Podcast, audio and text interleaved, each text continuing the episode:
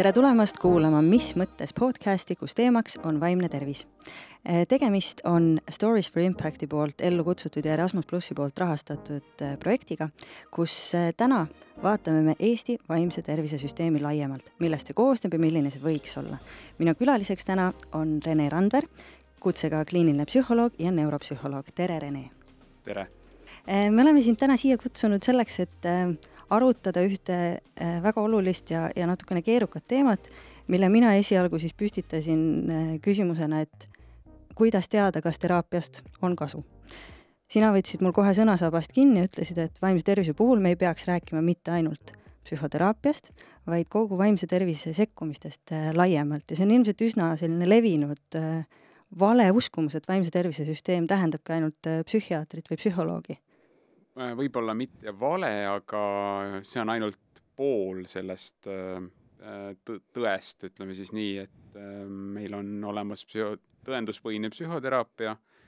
ja meil on olemas tegelikult ka erinevad sekkumised, mida tingimata ei vii läbi vaimse tervise spetsialistid mm. -hmm ja üks teema, millest me sinuga täna ka nagu rääkida tahaks, on see, et kuidas üldse mõõdetakse nende sekkumiste Äh, mõju äh, sellises valdkonnas nagu vaimne tervis, millele me võib-olla ei olegi harjunud alati noh, arvulisi väärtusi juurde panema, aga enne kui me nende suurte küsimuste juurde läheme, alustame sinust. mis sind üleüldse psühholoogia valdkonna juurde tõi? mina esimest korda tegin tutvust seeläbi äh, tegelikult noh, psühholoogia uurimise või selle mõtestamise äh, nagu selle aspektiga psühholoogiast ma tegin esimest korda tutvust läbi äh, läbi tegelikult õigusvaldkonna või läbi kriminoloogia ja kriminalistika, et oli see valdkond, mis mind tegelikult sinna tõi ja ja mida rohkem ma selle kohta uurisin, seda rohkem ma nagu taipasin, et, et see valdkond huvitab mind, et aga võib-olla tollal see ei jõudnud mulle veel nii hästi kohale, et mida see tähendab, et üldse hakata nagu psühholoogiat selles kontekstis rakendama, et selleks on vajalik üldse endale alguses selgeks teha, et kuidas inimpsüühika üldse toimib, mis on psüühilised protsessid, mis on näiteks mõtlemine mm, -hmm. ähm, ku-, äh, mis, mis on nagu keel ja kuidas tekib kõne ja nii edasi, et äh, et need on kõik sellised komponendid äh, inimpsüühikast, mis on, mille, mille arusaamine on vajalik selleks, et üldse hakata mõtlema sellest, et hakkame nüüd neid teadmisi kusagile nagu rakendama ja seda inimene alguses endale tegelikult ei teadvusta, et ta näeb ainult seda väga sellist äh, atraktiivset või, või ligitõmbavat osa sellest, et oo oh,, mis seal siis ära ei ole, et see on nii huvitav, lugesin kaks, kaks raamatut läbi ja nüüd äh, pean ennast peaaegu eksperdiks, et noh, ma siis lähen õpin natukene seda nagu rohkem või no vähemasti see, see tõmbab mind äh, nagu enda juurde.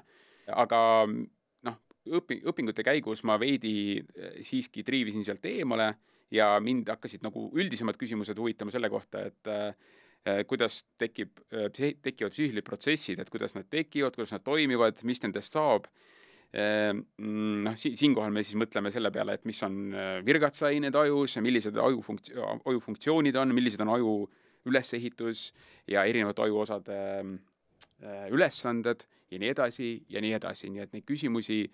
tekkis rohkem Äh, kui neid, mida ma alguses jõudsin esitada iseendale selleks, et läbi selle informatsiooni hakata nagu edasi minema ja ma kaevasin ennast lihtsalt aina rohkem sisse sinna ja nii see läks. aga milliseks sinu õppeteekond äh, kujunes, sest et kui sa ütled, et äh, noh, ma teen julma üldistuse ja ütlen, et võib-olla see on selline teismelisena CSI-st tekkinud huvi kriminalistika ja muu säärase vastu, et see transformatsioon on olnud tegelikult hästi põhjalik, nagu sa just ütlesid, et kuidas see sinu õppeteekonnas väljendus? noh, tagantjärele vaadates kõik tundub hästi loogiline Äh, ja see saigi ainult niimoodi minna, aga noh, pigem sellel ajal see ei olnud pigem selline teadlik otsus, et jah, ma nüüd teen seda nii, vaid see pigem juhtus natukene nagu koperdades ka, et, et noh, ja erinevaid uksi katsetades. ma kaalusin tõsiselt ka, et arstiks õppima minekut peale seda, kui ma olin ähm, psühholoogia lõpetanud ja kuni viimase hetkeni mõtlesin, et äh, mis ma nüüd siis teen, et kas ma nagu laiendan oma psühholoogia teadmisi äh,, et lähendan ennast meditsiinivaldkonnaga või siis äh, Äh, avan uue lehekülje mõnes mõttes ja, ja lähen arstiks õppima. aga siis ma mõtlesin, et ei, et ma tahan ikkagi siit äh, täiendada oma teadmisi selle asemel, et alustada mõnes mõttes nullist. ja siis ma astusin arstiteaduskonna äh, biomeditsiini õppekavale, mis on nagu molekulaarbioloogia geneetika ja pool on siis nagu meditsiin, eks ole, et see on nagu teadusmagister. kuna mul oli välja kujunenud juba väga hea kontakt tegelikult Tartu Ülikooli Kliinikumis erinevate inimestega, kaasa arvatud lastekliinikus äh, minu tollane juhendaja Anneli Kolk, keda ma siinkohal tervitan, et tema aitas mul tegelikult, tuli mulle selles mõttes ka appi, et ta võttis mind oma uurimisrühma ja mina sain alustada neuropsühholoogia suunal äh, uurimustööd, et bakalaureus ma olin natukene kaugemal tegelikult mm -hmm. sellest, aga siis ma sain tegeleda sisuliselt laste neuropsühholoogia ja, ja tegelikult ka teha tutvust äh, psüühik, psüühiliste protsesside testimist, erinevate testide ja testipatareide läbiviimisega ja nii edasi, et äh, ma sain äh, aastaks kaks tuhat üksteist, ma lõpetasin kaks magistriõpet, kaitsesin kaks magistritööd ja selle tulemusena mul oli kraad neuropsühholoogias magi-, Maastrichti ülikoolist ja kraad biomeditsiinis siis äh, magistrikraad ja Tartust mm, -hmm. eks ole alguses ma mõtlesin, et kuna mu uurimustöö käsitles siiski seda nagu laste neuropsühholoogiat, et kui inimesel on toimunud mingisugune ajukahjustus, äh, tal on olnud mingi näiteks insult või ajutrauma või on tal epilepsia või on tal midagi muud, et siis eelkõige see neu-, neuropsühholoogia käsitlebki nagu seda osa, et kuidas äh, aju sünnitab käitumist ja muid psüühilisi protsesse ja kuidas me saa-, kuidas seda, sellest paremini aru saades, kuidas me saame aidata inimesi äh, nendest äh, probleemidest, probleemiga paremini toime tulema. et ma otsisin endale kliinilist rakendust, samal ajal endale aru andes, et äh, ma ei olnud ju, kui sa ülikoolist tuled, sa ei saa endale automaatset kutset äh,. sul peab olema üks aasta superviseeritud praktikat mahus äh, circa tuhat viissada tundi, et see peab olema juhendatud praktika ja selleks, et seda saada, et sisuliselt on sul vaja ikkagi alustada tööd. et sellel ajal ei olnud sellist asja, nagu on täna, mis on kutseaasta mm. -hmm. et kutseaasta on siis riiklikult rahastatud võimalus, kuidas äh, ülikooli lõpetajad, nad saavad sinna kandideerida, neid, need kohad on piiratud, aga nad on selles mõttes rahastatud, et kui sa selle saad, siis sulle tagatakse praktikabaas, mis üldjuhul on suuremate haiglate juures Eestis sa saad seal täiendavat teoreetilist õpet, sellepärast et sul on õppejõud, kes sind õpetavad, näiteks äh, süvitsi äh, nagu äh, kliinilise psühholoogia või psühhopatoloogia osas juba lähemalt tundma õppida ka mingeid konkreetseid häireid, mis on nagu ühiskonnas laiemalt levinud psüühikahäireid teraapia all sissejuhatavaid kursuseid ähm, vaimse võimete testimist täpsemalt, eks ole, et sa saad kõike seda, pluss sa saad tegelikult, see on palgaga et äh, seda ka raha, sa, sa saad ka ise raha sellest, sa ei pea seda tegema tasuta ja sul on ka superviisor. see on väga tugev äh, nii-öelda see kompensatsioonipakett, kui me ütleme selle kohta, et sellel ajal, kui mina ja minu äh, kursusekaaslased ja te, kes olid tollel ajal lõpetasid, nad pidid kõike seda tegelikult endale ise indivi-, iseseisvalt välja ajama, kõik need asjad. tegelikult ei olnud selleks mingit äh, sellist organiseeritud ja komplekteeritud tuge ei olnud. mina kirjutasin listi ühe kirja, kus ma ütlesin, et ma olen see ja see, ma otsin võimalust oma teadmisi rakendada. ja siis õnneks kliiniline psühholoog Siiri Erass töötas Ida-Tallinna Keskhaiglas neuroloogia osakonnas ja ta ütles, et nii, palun, kui sa saad, palun tule. ja tänu sellele, et tema mind sinna kutsus ja sisuliselt välja õpetas ja, ja ma pidin seal suhteliselt kiiresti hakkama ka iseseisvalt tööle psühholoogina ja ja, ja niimoodi pidigi mm, seal tegelema nende inimestega hakkama, et kes pigem kippusid olema ähm, hilisemas keskeas või vanemas eas. ehk siis selle töö tulemusena, et ma töötasin seal üle seitsme aasta ja ma võingi öelda, et tänu sellele ma kuidagi leidsingi selle huvi endale, et kui ma olin alguses, ma mõtlesin alati, et ma jään nagu lastega tegelema, sellepärast et mu uurimustöö käsitles nagu laste neuropsühholoogiat, siis töö, äh, mis minu ette tuli mm -hmm. läbi selle mis keskkonnaga ma ennast sidusin, see ei olnud selles mõttes teadlik, et vot ma nüüd tahan minna selle suuna peale, vaid nii lihtsalt välja kujunes, seal olid need inimesed. ja ma olen väga tänulik selle eest, et mind kaasati sinna ja anti võimalus panustada tegelikult sellesse töösse. ja seal oli tõesti, ravimeeskond oli ümber, et seal olid lisaks neuroloogidele, kes seal töötasid, olid seal äh, logopeedid, füsioterapeudid ähm,, ja sotsiaaltöötajad ja vahepeal mul oli võimalus ka toetada kolleege taastusravi poole pealt. sa kirjeldasid äh, siis äh, rolli ravimeeskonnas, et me vaimse tervise puhul ei räägi mitte ainult psühhoteraapiast, vaid me räägime sekkumistest laiemalt. vaataksimegi siis äkki seda tänast Eesti vaimse tervise süsteemi, milline ta täna on, millistest sekkumistest ta koosneb ja mida me inimese heaks teha saame, millistel tasanditel. me võtame täna oma vestluse aluseks ühe mudeli.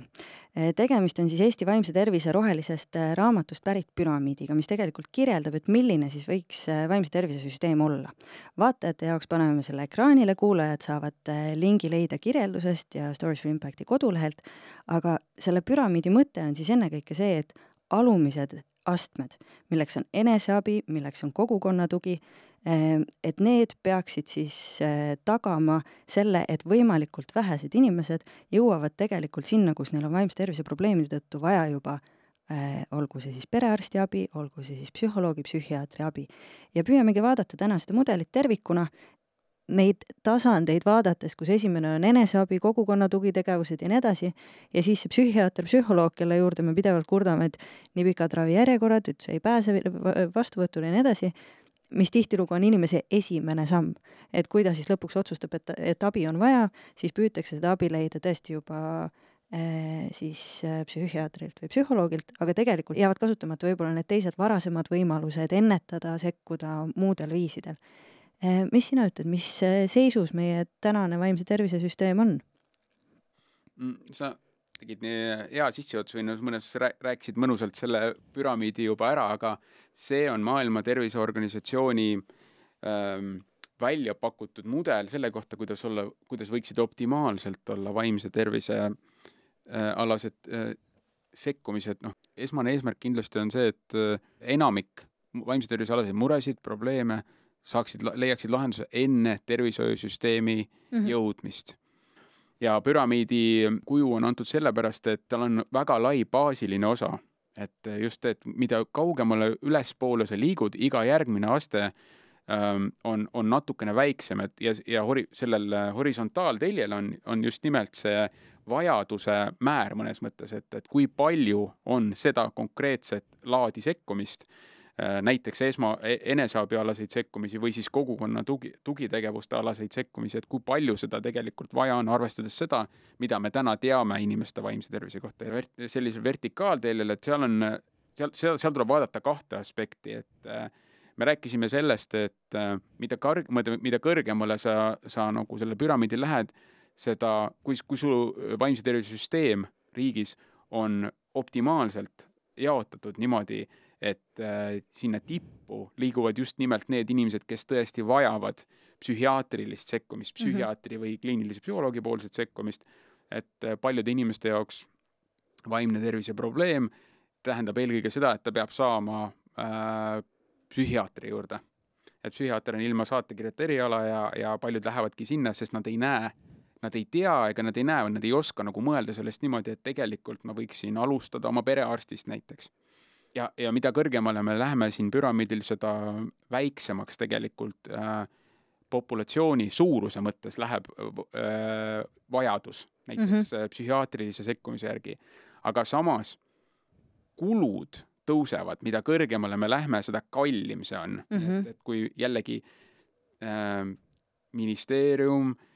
teenuste rahastajad ja teenuste korraldajad, kohalikud omavalitsused ja teised, kes peavad noh, tõenäoliselt, kui nad täna juba seda ei tee, siis, siis nad peaksid aina rohkem selle peale mõtlema. ja tõenäoliselt nad seda ikkagi teevadki ja, aga lihtsalt see saab alati parem olla just see, et kuidas kasutada seda, seda äh, piiratud ressurssi, eelkõige rahalist ressurssi ja inimressurssi maksimaalselt nagu nii targasti kui võimalik selleks, et need inimesed, kes meil riigis elavad, saavad seda abi õigel ajal, õiges kohas, õigelt spetsialistilt mm, -hmm. eks ole, et, et see, mida nad, mida nad vajaksid ja, ja selles mõttes on, on oluline see meelde jätta, et kõige suurem vajadus, mõnes mõttes kõige odavam, aga, aga samas kõige suurem vajadus on see, selle püramiidi mõistes baasiliste sekkumiste järgi eneseabioskused, erinevad toimetulekustrateegiad. äkki sa saadki ja. näitlikustada natukene, et mida need tasandid tegelikult tähendavad, et neid alumise tasandi sekkumisi, teenuseid, tugi, tuge, oskusi vajame ilmselt me kõik, aga kui me vaatamegi, mida siis tegelikult tähendab eneseabi, on need oskused, on need, kas me peaks kõik eneseabiraamatuid lugema kohustuslikus korras, et mis need põhilised ennetuse tööriistad tegelikult on mm? -hmm. kui me alustame sellest äh, eneseabioskustest ja eneseabi teadmistest, siis äh, kõigepealt äh, me räägime siis ka vaimse tervise edendusest äh, ja, ja probleemide ennetusest, et mm -hmm. siis väga oluline on ka aru saada sellest, et mis on vaimne tervis, et vaimne tervis ei ole ainult häire puudumine mm, -hmm. vaid see on ikkagi heaoluseisund äh,. See on selline heaoluseisund, kus inimene siis saab, tuleb igapäevaste raskustega toime, suud-, saab enna-, saab oma rollides funktsioneerida äh,, saab ühiskonda panustada omal moel, et selles mõttes ja, ja mis on need komponendid, mis mõjutavad vaimset tervist, et äh, need tihti tegelikult ei olegi erinevad sellest, mis mõjutab füüsilist tervist, et seal on väga suur ühisosa. Ja, ja, ja tänapäeval me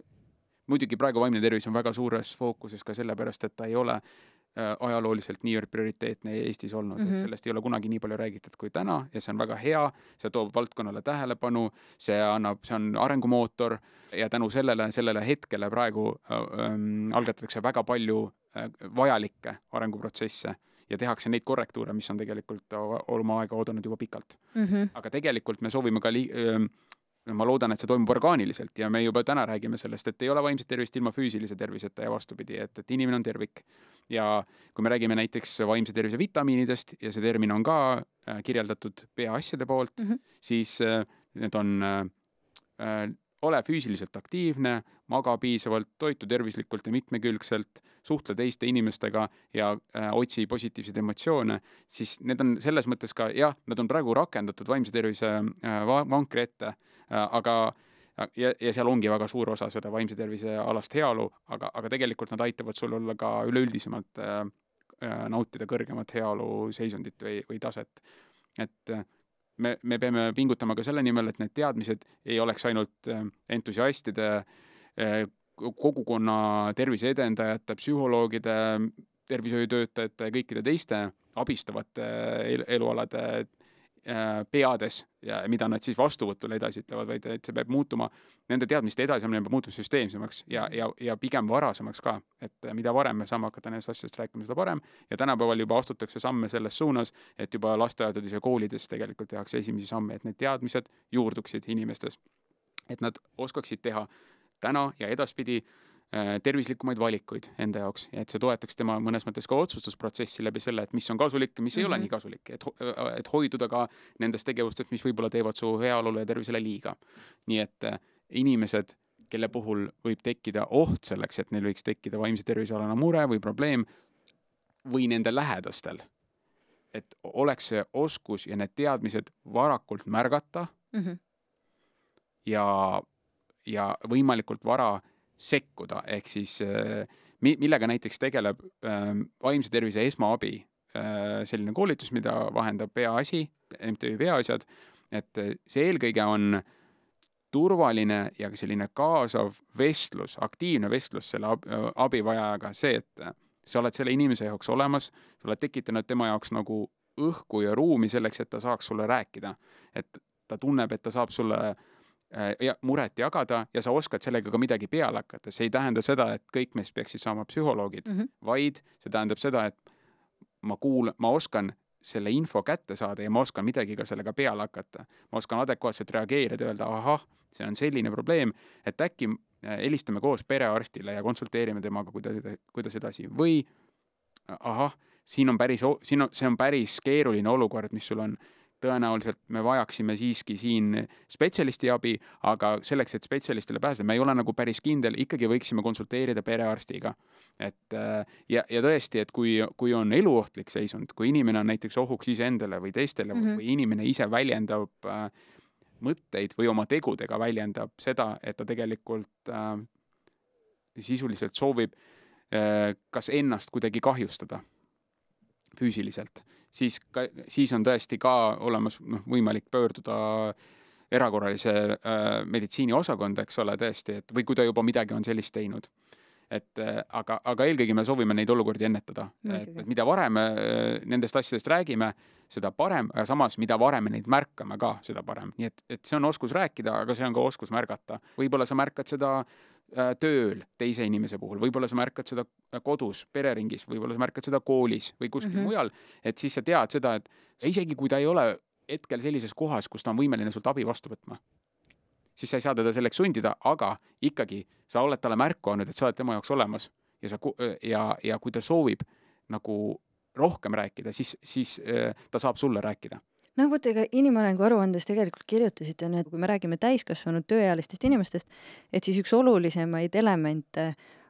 ongi siis sotsiaalse sellise isolatsiooni või üksindustunde leevendamine, mida sotsiaalselt nagu sidusamalt inimene ennast tunneb, mida rohkem tal on tugipunkte, seda väiksema tõenäosusega tal tegelikult kujunevad probleemid vaimse tervisega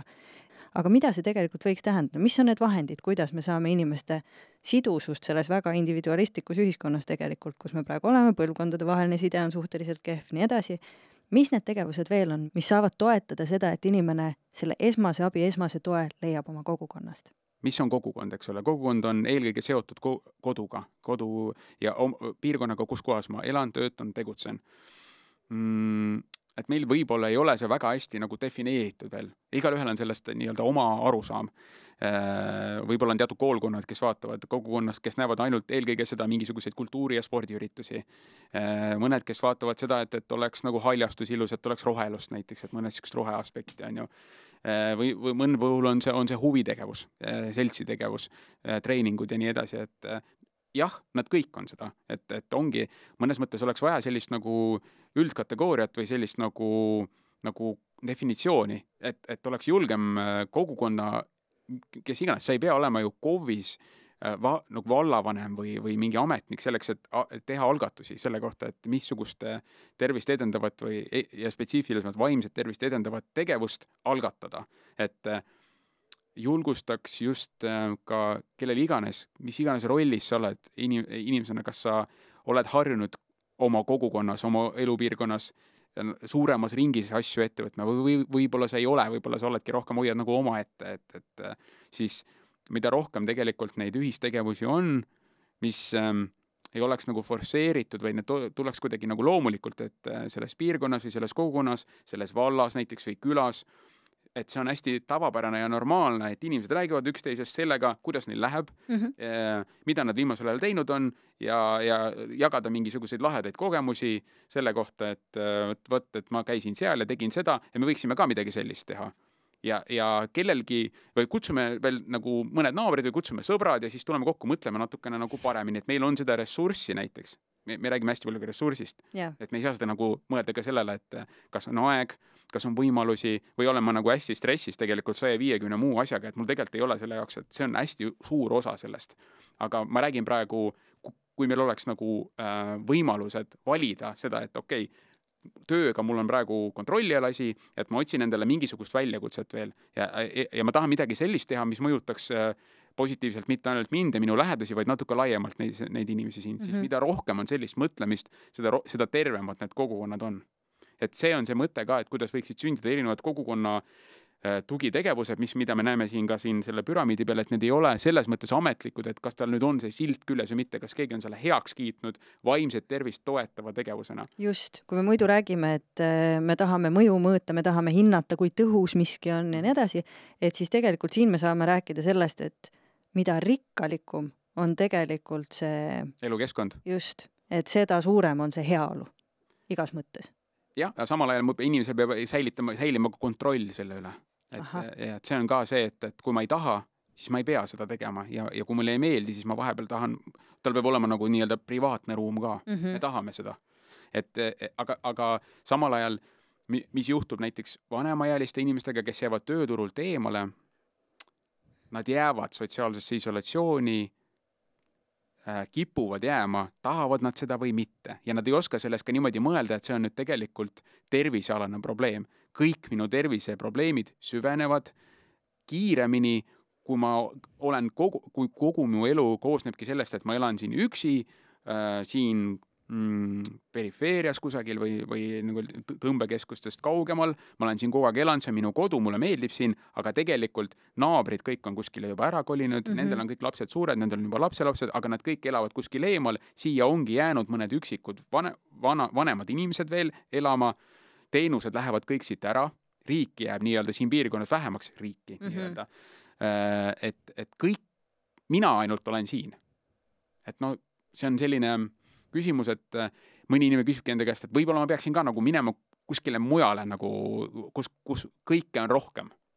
aga nagu inimesele peab, peab äh, jääma säilima see valikuvõimalus ja väga paljud inimesed ei taha ära kolida vanemas eas, nad tahavad oma kodus elada mm. -hmm. sõltumata sellest, et kõik teised inimesed on ümbert ära kolinud.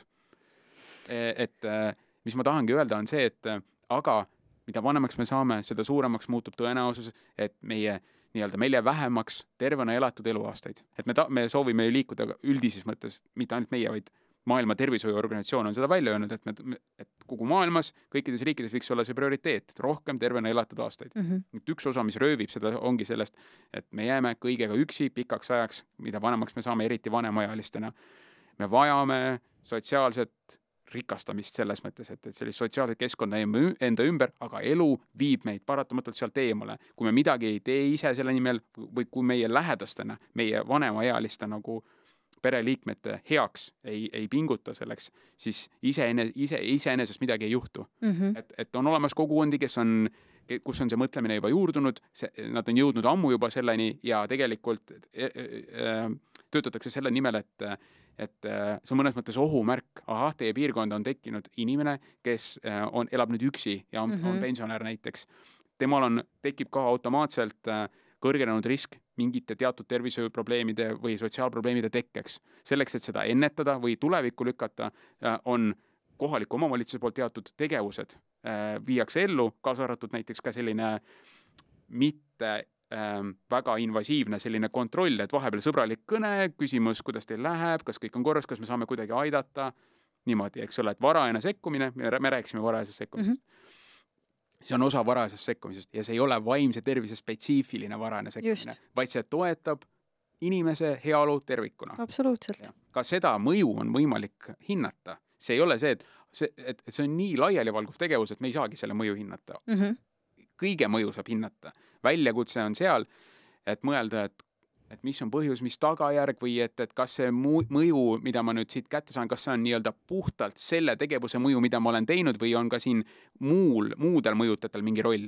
siin keskkonnas on tegelikult selle inimese nimel toimuvad veel mingid tegevused mm, -hmm. mis on väljaspool minu kontrolli, kui minu poolt osutatava sekkumise kontrolli. nii et siis ma peaksin tegelema rohkem tööd, et, et lahutada need või äh, äh, kaardistada kõik need tükikesed, mis töötavad selle inimese heaolu nimel mm. -hmm. siis ma saangi nagu mõelda seda, et, et mis, mis, mis roll on minu sekkumisel selles tervikus. et on võimalik mõõta, aga uurijana sa pead olema ülikriitiline ja sa ei tohi teha võib-olla kõikehõlmavaid üldistusi selle põhjal, et vot mina hakkasin nüüd seda asja tegema selle, selle inimesega või selle inimgrupiga ja nende heaolu paranes hüppeliselt, aga võib-olla toimus keskkonnas mingisugune muutus, võib-olla mm -hmm. kohalik omavalitsus võib-olla võttis prioriteediks äh, rohkem tervena elatud aastaid või, või tervemad kogukonnad ja, ja selle tulemusena hakkas korraldama rohkem kultuuri- ja spordiüritusi, hoogustas seltsitegevust hakkas maksma rohkem toetusi või mida iganes muud, et inimese heaolu nagu laiemalt parandada, ehk siis sa pead nagu seda tervikut kogu aeg hindama, sa pead olema väga laiapõhjalise vaatega uurijana. aga näitlikult ütleme, et üks ähm, kohalik omavalitsus äh, loob eakatele mingisuguse võimaluse käia päevasel ajal klubis, lähedki hommikul, võimled, vaatad koos telekat, räägid juttu, on tead mingid tegevusteraapiad nii edasi. Et kuidas sellise tegevuse mõju mõõta mõnes mõttes ma teen üldistuse ja ütlen, et sa saad seda mõõta objektiivselt või mm -hmm. toetudes objektiivsetele näitajatele, mille hulka näiteks kuuluvad erinevad tervisenäitajad, heaolualased näitajad, mi-, mis olukorras on vaimne tervis mm -hmm. ja kuhu suunas ta liigub, eks ole ka, et baasiline on see, kui sa tahad midagi mõõta, sa pead seda tegema mitu korda, sellele ennem kui sa midagi teed, sa tahad nagu midagi olukorda muuta, siis ennem kui sa hakkad seda muutma, sa pead ennem fikseerima baastaseme mm -hmm. ja sa pead ära otsustama, mida sa siis hindad. kui sa tahad se-, sedalaadi sekkumist mõõta, nagu sa praegu kirjeldasid, see on suhteliselt laiapõhjaline ja sul on tarvis nagu tegelikult ka väga head pilti selle inimese heaolu kohta, et äh, näiteks kui me soovime aru saada, et kas ta on äh, sellel vaatlusalu, alusel oleval perioodil, kas, kas haigestumise määrad on suurenenud või vähenenud, selle jaoks on olemas objektiivsed näitajad, näiteks äh, no enam, kui ta enam töö, ei tööta, oletame, et kui ta töötaks, siis oleks need haiguslehed näiteks, aga kui ta enam ei tööta, siis äh, arstivisiidid perearsti juurde, eriarsti juurde, väljastatud retseptid äh,, erinevad teenused, mida ta on, tervishoiuteenused, mida ta on äh,, äh, mida ta on saanud, kus ta on käinud või siis ka nagu sotsiaalteenused samamoodi sotsiaalvaldkonna poole pealt või sotsiaalhoolekande poole pealt. või siis näiteks, et mõõdetakse konkreetset äh, mingit osa sellest heaolust, kas vaimset tervist või füüsilist tervist, viiakse läbi mõõdikud ja mingid testid näiteks või küsimustikud ja siis kus kohas uuritakse, kui palju on stressi, kas on viimasel ajal juhtunud õnnetusi, kas, äh, kas on olnud ka veel näiteks mingisuguseid haigestumisi või, või diagnoosid ja kõik muu nagu selline see on nüüd see osa, et kus kohas me saame tegelikult nagu neid objektiivseid äh, näitajaid koguda ja siis, äh, kui me paneme need aegreale, siis me saame vaadata, et kus suunas toimub liikumine, kas üles või alla. et, et see kohalik omavalitsus ennem seda, kui ta tuleb nagu selle uue lahendusega või terviklahendusega või selle sekkumisega, ta soovib tegelikult ka selle mõju mõõta, siis ta ennem ikkagi peaks tellima ka selle nii-öelda mõõtmise sinna kõrvale või mõju hindamise, on ju, et mm -hmm. see mhm. peaks olema integreeritud mõnes mõttes sellesse projekti mm. -hmm. sellepärast, et muidu me ei saa öelda, et et äh, kas see asi, mida me teeme, üldse nagu toimib või mitte mm. -hmm. nii, aga mis ma, siit edasi peab nagu mõtlema nagu selle peale ka, et me hakkame seda ajas jälgima. et me kordame neid samu hindamistegevusi ajas teatud intervallide tagant. võib-olla meil on mitu gruppi inimesi, meil on vanemaealised, meil on natuke nooremad, meil on inimesi, kellel võib-olla on teatud diagnoos, aga mingisuguseid võib-olla ei ole, ka see võimalus on olemas mm. -hmm. et see sõltub jälle selle uurija äh, teadmistest ja nutikusest ja, ja võimekusest sättida selline eksperimentaalne, eksperimentaalselt selline disain üles, et seda tagumisest otsast välja tulles sa saad hakata neid normaalselt ka analüüsima, neid andmeid, et ahah, nendel gruppidel need näitajad olid sellised, võrreldes selle grupi näitajatega, nad on natuke erinevad, et kui, kui suur see erinevus on ja millele see erinevus siis nagu näitab. aga üks asi, mida ma tahan veel mainida siia lõppu, on see, et on see subjektiivne osa, et alati sa ei saa kätte seda nii-öelda kliinilist paranemist mm, -hmm. sa ei saa seda alati, sul võib olla ülihea sekkumine, aga no ei parane tema nagu objektiivselt, tema see depressiooni määr ikka püsib täpselt sama koha peal mida sa saad veel küsida, sa saad inimese käest küsida subjektiivset hinnangut sellele. Äh, mis sa arvad sellest äh, sekkumisest, kas sulle meeldis see mm, -hmm. kas sulle meeldis seal osaleda, kas see parandas sinu tuju, kas sa ise tajusid, et see mõjub sulle hästi? Ja et niisugust äh, subjektiivset rahulolu sa saad ka mõõta. ja et seda ei tohiks tegelikult alahinnata, et me ei pea ju kõike mõõtma nagu euromärgiga, vaid et inimese enda subjektiivne hinnang on tegelikult täpselt sama väärtuslik äh, tagasiside mingisuguse sekkumise efektiivsusele. ma selles mõttes täpsustan, et sa saad mõõta ka sellist äh, nagu igapäevast toimetulekut ilma selleta, et see nii-öelda kliiniline või me, nagu meditsiinilises mõttes seisund ei, võib-olla ei parane mm. -hmm. sa, sa ei saa seda kätte, seda mm -hmm. muutust, et see, see just, kus sa statistikat hakkad vaatama, siis see statistika ei ole nagu üle nende erinevate hindamiskordade, ta ei ole nii ta ei ole usaldusväärne, sa ei leia, sa, sa ei saa öelda, et see sekkumine oleks olnud efektiivne aga sa saad küsida seda, et, et kuidas sa tunned, kas sinu igapäevane toimetulek paranes? kuidas paranes sinu lävimine, sinu, kas sa tundsid, et sa olid oma lähe-, oma sõprade, tuttavatega, perega nagu lähedasem sellel ajal, kui te võtsite koos nendest asjadest osa, kuidas sulle see meeldis, kas need tegevused meeldisid sulle, kas see pakkus sulle huvi ja nii edasi mm. -hmm. ehk siis saad küsida tema subjektiivset hinnangut sellele ja, ja seda, et, et kuidas ta ise tunneb, et tema heaolu on paranenud. ja see võib tegelikult aidata sind, sa saad selle efekti sealt kätte, et ta ütleb ise, et, et on paranenud, tema subjektiivne hinnang sellele on see, et ta on paranenud, ta annab sellele positiivse hinnangu ilma selleta et tema depressioonimäär näiteks oleks muutunud mm. -hmm. ja neid mõlemaid asju tuleb hinnata koos. ja ma tahaks veel öelda seda, et e-, e-, euromärgi võib külge panna ja see on väga okei okay., see on okei okay,, et me soovime midagi teha kuluefektiivselt, eriti kui no, ressursid on piiratud mm. -hmm. aga palun ärme raiskame ressursse selle peale ja üks osa sellest, kuidas kindlustada seda, et me ressursse ei raiska, siis mõtleme hoolikalt läbi, mis on parim teadaolev praktika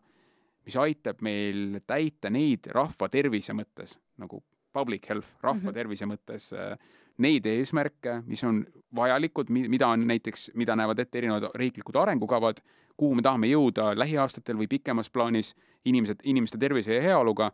mis on need sekkumised, mida me võiksime maale tuua ja juurutada, mis tooksid maksimaalselt kasu nendele inimestele. Need teadmised on olemas, Eestis on, on uurijad, kes on kompetentsed ja oskavad selle informatsiooni leida ja mõtestada selliselt, ja tuua neid äh, sekkumisi maale selliselt, et nad tõesti hakkaks siin tööle. Ja neid asju on võimalik äh, ka hinnastada adekvaatselt, nii et siin ei peaks olema häbi panna nagu selliste heade algatuste alla raha. Ja tegelikult on äh, meie riigis tervishoiusüsteemi areng on olnud kaldu eriarstiabi poole, et sellest me ka rääkisime oma artiklis Eesti inimarengu aruandes, mis on ka hiljuti välja tulnud, mis on äh, internetis vab vabalt äh, nii-öelda kättesaadav, et me rääkisime seal äh, sellest samast püramiidist ja ka sellest, et äh, kuidas äh, me saaksime jällegi selle liivakellakujulise vaimse tervise teenuste äh, osutamise loogika pöörata ikkagi niipidi, et nende teenuste pakkumine, mis on hästi odavad, aga mille järgi on kõige suurem vajadus, need oleks inimestele kättesaadavad ja igal järgneval astmel see vajadus nii-öelda väheneb, see ja, ja just nimelt sellepärast ka, et nende osutamine on, on järjest kallim, mida mm, -hmm. mida igal järgneval astmel, et äh, see spetsialiseeritud psühhiaatriline abi haiglates ja polikliinikutes, et see on kõige kallim. ja me soovime, et need inimesed, need vähesed inimesed, kes äh, äh, psühhiaatrid, kliinilised psühholoogid ja muud spetsialistid, kes töötavad eriarstiabi tasa, tasa, tasandil,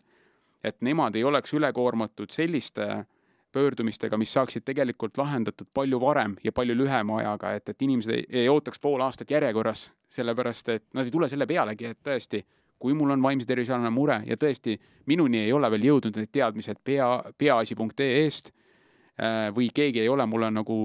ei töökeskkonnas, ei mujal, ei ole nagu viidanud sellele, et kuule, et äh, tegelikult on terve rida asju, mida sa saaksid iseenda järgi teha, et vaata oma näiteks unerežiim üle, kas sa liigud piisavalt, kas sa toitud piisavalt, kuidas su digihügieen on, on ju, ja kõik muu või ja kuidas nagu nii-öelda kahjulike harjumustega on. kas sa üldse sellist revideerimist oma elus oled kunagi üldse teinud või mitte mm, -hmm. et see on see, millest me saame nagu alustada ise, et midagi juba enda jaoks ära teha. me oleme nüüd palju rääkinud sellest äh, üldisest heaolust ja sellest, kuidas me saame seda kasvatada, toetada ja nii edasi. kui aga ikkagi probleem tekib ja, ja tuleb siseneda siis mingi vaimse tervise probleemiga sellesse tervishoiusüsteemi, eh, ma hüppaks kohe hea ka perearstide juurde. ehk siis, et eh, teoorias see võiks olla esimene kontaktipunkt, eks ole ehm, millist rolli sinu vaates perearstid praegusel hetkel meie vaimse tervise struktuuris mängivad ja milline see võiks olla? praegu on kõik võimalused olemas selleks, et nad saaksid tegelikult seda rolli täita, mida nad tegelikult igapäevaselt niikuinii täidavad nagu üldfüüsilise või füüsilise tervise mõttes. Nad tegelikult paljud neist täidavad seda ka vaimse tervise rolli, et, et, et nad ei diskrimineeri selles mõttes selles osas, et see ei ole päris meie teema, et, et teie, meie sellega ei tegele, ma arvan, et mitte ükski perearstikeskus ei ütle mitte kunagi midagi sellist äh,. ei telefoni otsas ega, ega seal, kui inimene seal kabinetist äh, tuleb siis kas pereõe või perearsti juurde. küsimus on pigem selles, et äh, missugune on tänane valmisolek need teadmised ja oskused, mis on äh, perearsti abitiimides või meeskondades äh,, ravimeeskondades ähm,, nende, selle inimese ümber, kes sinna pöördub ka vaimse tervise alase küsimuse või murega. ja päris paljud inimesed, kui nad jõuavad sellesse kohta, et tõesti, kui ma tegin seal teatud korrektuurid, mul läks nagu elukvaliteet paremaks ja igapäevane toimetulek paranes, on ju, aga, aga kõikidele sellest ei piisa, et endiselt on inimesi, kelle puhul tekib mis iganes öö, põhjusel tal tekib see, vallandub psüühikahäire ja me ei, no ja kõik nendest ei pruugigi olla nagu sügavad psüühikahäired mm, -hmm. aga tõesti, kui tal tekib mõõdukas kuni raske depressioon või selline ärevus, et ta ei suuda hommikul kodust väljagi minna või on unehäire selline, et tegelikult ta on proovinud nii ühte kui teistpidi, et on kõik kahjulikud elemendid nagu, nagu välja lõiganud, aga tal on äh,, uni on ikka väga katkendlik ja ta tegelikult ei maga välja ja see hakkab äh, oluliselt segama tema igapäevast funktsioneerimist, ta vajab tegelikult tervishoiusüsteemi poolset abi mm -hmm. ja ta võiks tulla nende küsimustega esimene koht võiks olla tema perearst, perearstikeskus. et kui ta helistab ja siis sealt juba toimub, hakkab kohe toimuma see probleemi täpsustamine, et, et et võimalikult kiiresti saaks see seisund hinnatud ja, ja sellega tegeletud, sest perearsti tiimid saavad ise väga palju tööd ja täna tehaksegi väga palju tööd ära juba ei saa öelda, et üldse ei tegeleta sellega, see pigem on nagu lihtsalt ebaühtlane, et mida väiksem on sinu, võib-olla sa oled üksik arstiga Praxis, sul on võib-olla üks õde seal osalise koormusega, äh, sul ei olegi see nimistu võib-olla nii suur, aga aga, aga sa oledki ja, ja võib-olla sinu piirkonnas on suuremas osas ainult vanemaealised krooniliste haigustega, kellel on väga palju erinevaid haigusi, kes tarvitavad mitmeid ravimeid ja nii edasi, et see spetsiifika, kus sa elad, on lihtsalt selline, et sa, ta ei anna sulle väga palju ressurssi ja sinu ümber ei ole ka nagu sellist terviklikku ravimeeskonda, kes toetaksid see, üldse täpsemat mõtestamist sellele, et kuidas me üldse vaimse tervise probleemidega siin tegeleme mm. -hmm. nii et selleks, et et ma, ma, ma viitangi sellele, et see on väga ebaühtlane, et, et sõlt- ja see sõltubki sellest, et kui su-, palju sul on, kui suur on su nimistu, milline see nimistu on, milline sinu ravimeeskond on, kui palju sul on õdesid, kui palju sul on teisi tugispetsialiste, kes on sinu abiks, aga ka kas sa oled ise, kas sa tunned ennast nagu pi-, piisavalt äh, täiendkoolitatud ja, ja teadlik ja, ja, ja et kas sul on vahendeid ja oskusi selleks, et neid inimesi aidata tõesti, kui ta tuleb selle psüühikahäirega mm. -hmm. et tegelikult see ootus ja need on, on, on olemas, nii palju, kui ma aru saan nendest perearsti tiimide nagu mõtetest ja, ja vajadustest, siis ja, ja ka see, mida sai uuritud tegelikult depressiooni raviteekonna analüüsi ajal kaks aastat tagasi, siis sai räägitud ju ka, ka perearstidega ja, ja ja, ja tegelikult sealt tuli see ka välja, et, et, et soovitakse tegeleda, aga ressurssi ja ma räägin üleüldse nagu laiemas tähenduses ressurssi, inimesi, aega, raha, selleks mm -hmm. on mhm. nagu vähe. ja, ja kuidagi see ei ole nagu väga head võimalust ka seda niimoodi paremini mõtestada, et nad, et, et perearstide tiimid, nad vajavad tuge selleks ja, ja mõned vajavad rohkem, mõned vähem, aga juba täna tegelikult väga palju te tehakse. ma, ma tahan, et see kõlaks, jääks nagu kõlama, aga alati saab nagu, võiks olla ka niimoodi, et et, et need, kes, kes teevad hästi, nad võiksid rohkem jagada oma neid praktikaid, häid kogemusi ja seda, kuidas nad on oma töö korraldanud selle kohta, kuidas meie vaimse tervise murega inimest aitame mm. -hmm. et, et teised saaksid õppida sellest ja, ja selliseid äh, suuri rahamägesid mitte nõudvaid arendusi oma tiimides ka sisse viima, et äh, tõesti, me ei olegi selle peale nagu mõelnud, et, et, et siin mingi töö, mingi, mingid ülesanded siin rohkem delegeerida võib-olla õele, need hindamised sinna äh, ja tihendada ko koostööd võib-olla psühhiaatritega läbi e-konsultatsiooni, et on olemas selline lahendus nagu e-konsultatsioon, kus perearst saab konsulteerida digitaalselt, saab konsulteerida psühhiaatriga ja öelda, et mul on selline patsient, olen ise teinud need analüüsid, need uuringud, tulemused on sellised tal on praegu selline ravi ja minu küsimused on need, et äh, mida ma, et kas ta vajaks nüüd eriarstiabi tähelepanu või mida te veel soovitate. et tegelikult läbi perearsti on, on ka, on inimesel ligipääs mõnes mõttes ka eriarstiabisse, kui ta vaja on aga unistaks ka korra sellest, et milliseks see süsteem äh, võiks tulevikus kujuneda. üks teema, mida sa käsitled ka just nimelt selles depressiooniraviteekonna kaardistamises, äh, on see, et milline on spetsialistide omavaheline koostöö, mida me tegelikult siin praegu ka perearstidele mõeldes natukene puudutasime. tihtilugu on ju tõepoolest nii, et inimene vajab võib-olla nii psühhiaatri kui psühholoogi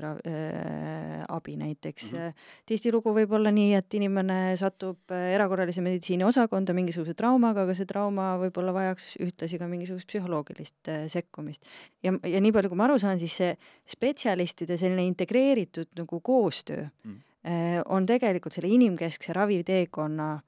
võti. Et me ei käsitle mitte inimese iga probleemi nagu üksikuna äh,, nii et lõpuks inimene tajub ennast nagu mingisuguse probleemide puntrana, millest igaüht ta käib mingi erineva spetsialistiga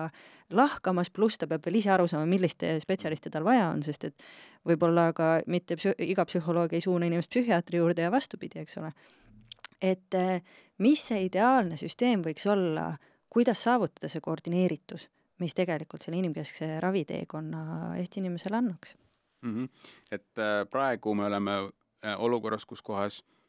see inimese teekond on keeruline ja killustatud ja, ja võib-olla ka need rollid ei ole alati kõige selgemad, et äh, sest mõnes mõttes just seesama, me räägime juhtumikorralduse, juhtumikorraldusest ka, et, et kes siis vastutab lõppkokkuvõttes selle eest, et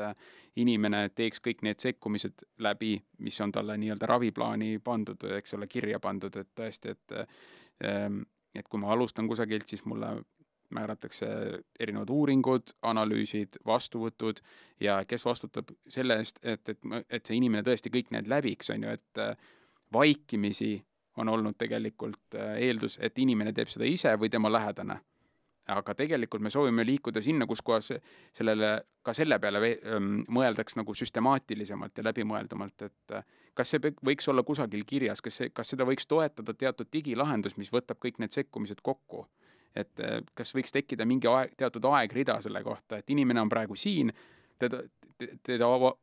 kogu tema teekond on selline, tema järgmine samm on see, vahepeal ta peab tegema neid, iseseisvalt ta peab tegema vot neid asju mm. -hmm. näiteks võtma ravimit või tegema teatud harjutusi või midagi kolmandat. ja, ja, ja ka see, et, et mis siis juhtub, kui inimene, mis on need äh, tegevused, mis äh, ennetavad inimese nii-öelda ärakadumist või erinevate tugisüsteemide vahelistesse pragudesse nagu sattumist, et võib-olla see kõik ei olegi üldse mitte tervishoiusüsteemi haldusala, vaid äh, mõned inimesed ja, ja me teame seda, et et, et, et vaimsel tervisel on ka, on ka palju selliseid ähm, sotsiaalseid mõjutegureid. et, et pigem ongi see, et tema, tema nagu tervis ja heaolu käib alla sellepärast, et sotsiaalmajanduslik olukord ei ole kiita. noh, ta võib tulla ja rääkida tervisealaseid probleeme, mis ongi tervisealased probleemid mm, -hmm. aga tegelikult äh, nende häire tekkes või püsimises või tagasilanguste äh, esinemises väga suurt rolli omavad näiteks see, see, et, et milline on äh, tema tugivõrgustik, milline on tema kodu, kas ta on turvaline, kas ta saab seal ise oma igapäevased tegevused turvaliselt tehtud, kas ta saab söödud, kas tema nagu joogi ja söögi äh, nagu baasvajadused on rahuldatud nii-öelda ja kaetud. et, et ka see on nagu hästi oluline ja selleks, et see oleks tagatud, selleks peavad erinevad tugisüsteemid omavahel koostööd tegema, aga mm -hmm. selleks puudub nagu tsentraalses mõttes või hästi üldises plaanis selleks puudub koostöö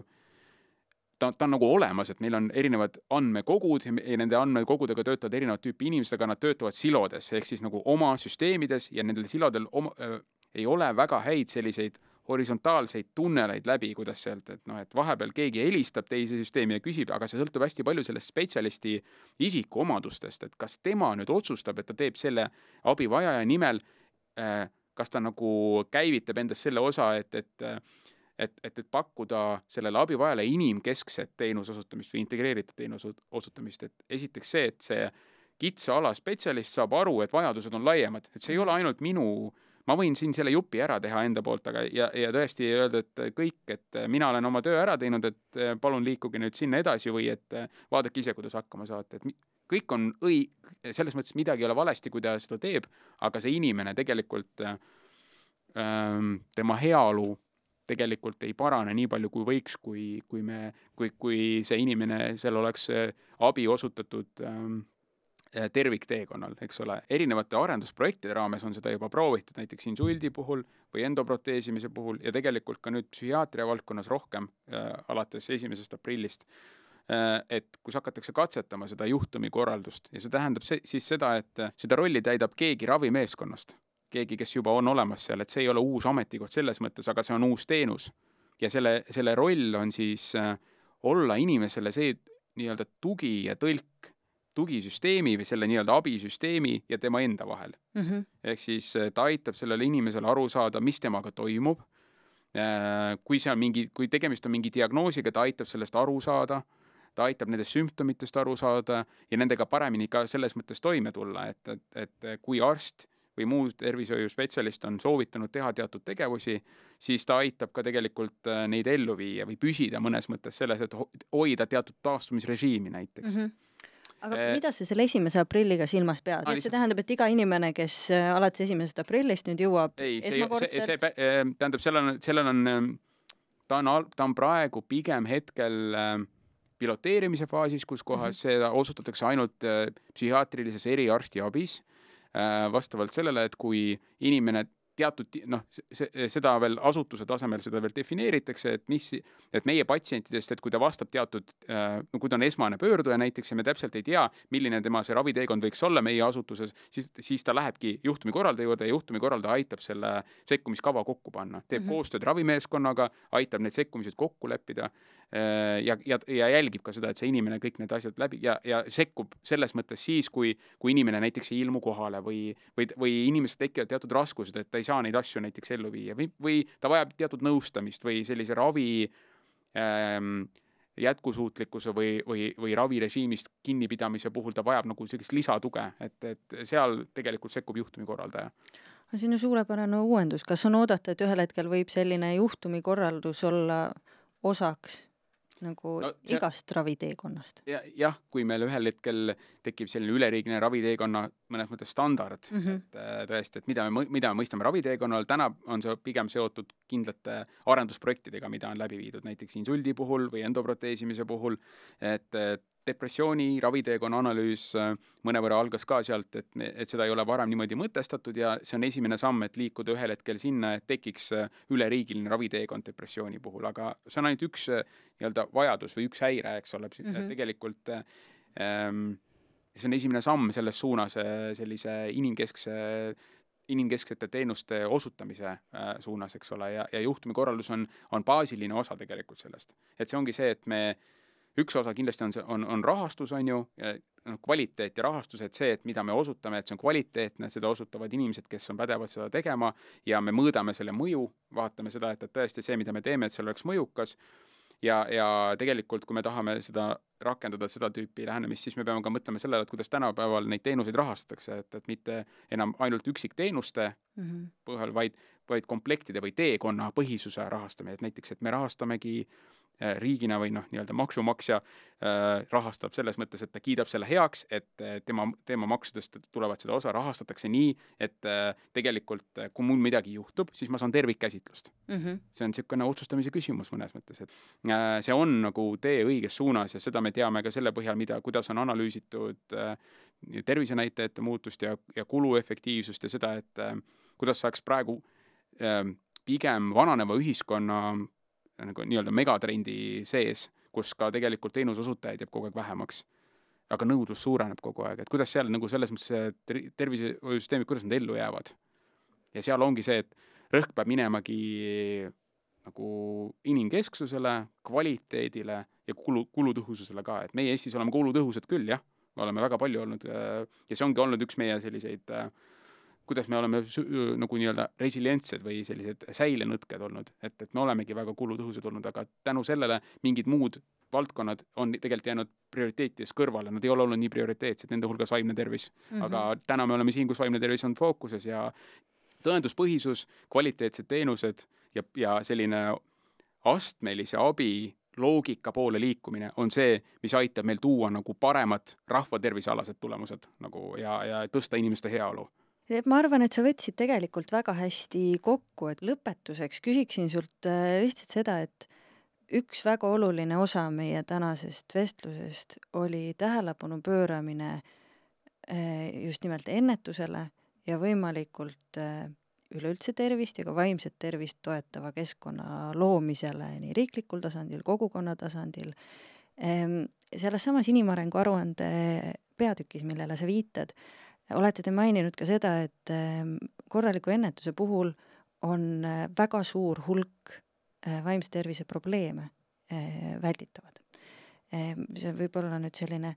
provokatiivne küsimus, aga et mis see number on, kas selle kohta on ka mingisugune nagu hinnang, kui suur hulk äh, probleemidest võiks jääda olemata, kui piisav äh, hulk ressurssi ja tähelepanu suunatakse just nimelt sinna püramiidi alumiste astmete poole? Need andmed on olemas kindlasti ja aga neid peaks vaatama pigem vist äh, diagnoosigrupiti isegi, et või mhm. võimalik, et seda on üritatud ka kokku võtta, ma arvan, et selle kohta on andmed olemas, aga ma võin öelda, küll ühe statistiku ma võin peast öelda ja see käsitleb vanemaealiste vaimset tervist. ja me teame seda, et juba aastal kaks tuhat kakskümmend, kui tuli kokku üks rahvusvaheline töörühm ja nad avaldasid oma töö tulemused äh, ajakirjas Lancet, aastaks kaks tuhat viiskümmend on sada viiskümmend miljonit dementsusega nii-öelda diagnoosiga inimest, eks ole, täna on umbes viiskümmend miljonit neid kuni. kuni nelikümmend protsenti nendest juhtumitest on ennetatavad. ja, ja see tule-, see on tänu sellele, et, et on olemas kaksteist mõjutatavat riskifaktorit, et kui me teame näiteks seda, et dementsuse tekkeks kõige, kõige suuremad riskifaktorid on vanus mm, -hmm. eks ole, veel üks muutumatu riskifaktor, mida me mõjutada ei saa, on geenid ja pärilikkus, aga väga suur osa nendest, äh, mis mõjutavad seda, kas meil tekib dementsus ja millal ta tekib, on tegelikult mõjutatavad läbi selle, milline on meie elukeskkond ja eluviisid. nii et äh, ennetus on kulutõhusam kui ravi ja ravi on kulutõhusam kui ravimata jätmine mm. -hmm. see on mhm. see, mida tahaks ka nagu öelda, et et tore on, kui sa midagi teed, aga kui sa teed seda varem, siis see on tegelikult veel toredam, et siis see, see toob sulle hiljem nagu tagasi, et ma saan aru, et väga palju loetakse raha, et uurijatena ja val-, nii-öelda valdkonnas toimetajatena mei-, meid tegelikult kannustab ka lihtsalt see, et inimesel on hea olla. sellel ei, meil ei ole see võib-olla nii oluline, et me iga päev ei mõtle selle peale, palju see mulle maksma läks, et see, et see inimene nüüd äh, teda aidata mm. -hmm. aga, aga ma saan aru, et, äh, et, et tervishoiusüsteemidele ja riikidele, kes siis nagu väheneva, jällegi vähenevate vahendite ja vananeva ühiskonna nii-öelda trendi sees üritavad kuidagi ellu jääda niimoodi, et inimesed saaksid nagu neid teenuseid, mis on nende õigus, siis äh, võime nagu maha rahustada selles osas ja öelda ka valdkonna uurijatena ja öelda ka seda, et äh, vaimne tervis on äh, valdkond, kuhu on mõistlik investeerida lihtsalt sellepärast, et ta toob tagasi niivõrd kõikehõlmavalt sulle ja mitte ainult selles valdkonnas, vaid need inimesed lihtsalt, nende üldine heaolu on palju parem ja, ja nad on, nad jaksavad ka nagu selles mõttes kauem toimetada ja ühiskonda nagu tagasi panustada. aitäh, Rene, sulle, et sa neid teemasid täna natukene avasid. ma arvan, selle vestluse kokkuvõtteks äh, võib vist küll öelda, et asjad liiguvad äh, süsteemselt ikkagi õiges suunas ja, ja järjest inimkesksema ja järjest terviklikuma lähenemise poole, et meie vaimne tervis oleks toetatud ja et äh, abivajaduse korral oleks see siis kõige optimaalsemalt äh, tagatud. ma saan aru, et tee on pikk minna, aga, aga äärmiselt huvitav kuulata, et kui süsteemset tööd sellega tehakse nii riigi tasandil, kuidas sina oled selles osalenud. lõpetuseks lihtsalt küsiksingi Rene ka seda, et on sul endal mõni soovitus tänasele kuulajale, midagi, mis sinu jaoks on oluline ja mida sa tahaksid äh, teistele samamoodi soovitada? harime kõik ennast, et paremini äh, aru saada, mis on vaimne tervis, mis on minu vaimne tervis, mis on need äh, vallandajad või päästikud, mis tegelikult, või riskid minu enda nagu ja minu lähedaste heaolule äh, ja kuidas me saame äh, need varakult neid märgata ja, ja sellele kas siis iseendale või meie lähedasele klassikaaslasele, töökaaslasele, huviseltsikaaslasele või laiemalt minu kogukonnas elavale inimesele, kuidas me saame talle toeks olla. kui me ei tea, kuskohast alustada, palun minge peaasi.ee, viige ennast kurssi selliste asjadega nagu äh, vaimse tervise vitamiinid, need on seal väga suures plaanis, läbige vaimse tervise esmaabi äh, koolitus ka selle kohta leiate infot äh, peaasi.ee kodulehel ja üleüldse peaasi.ee, väga tore, et nad on olemas, MTÜ Peaasjad, aitäh neile selle eest! absoluutselt. tervitame siis äh, Peaasju samamoodi ja täname neid nende väga-väga olulise töö eest, mida nad vaimse tervise valdkonna arendamisel teevad ja samamoodi suur tänu kõigile vaatajatele ja kuulajatele.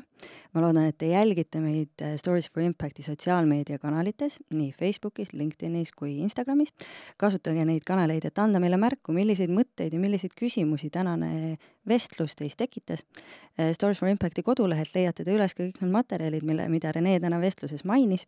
Äh, minu nimi on Marta ja ma loodan, et me kohtume juba järgmises Mis mõttes episoodis, kus kõneleja on juba uus, aga teemaks ikka vaimne tervis. thank you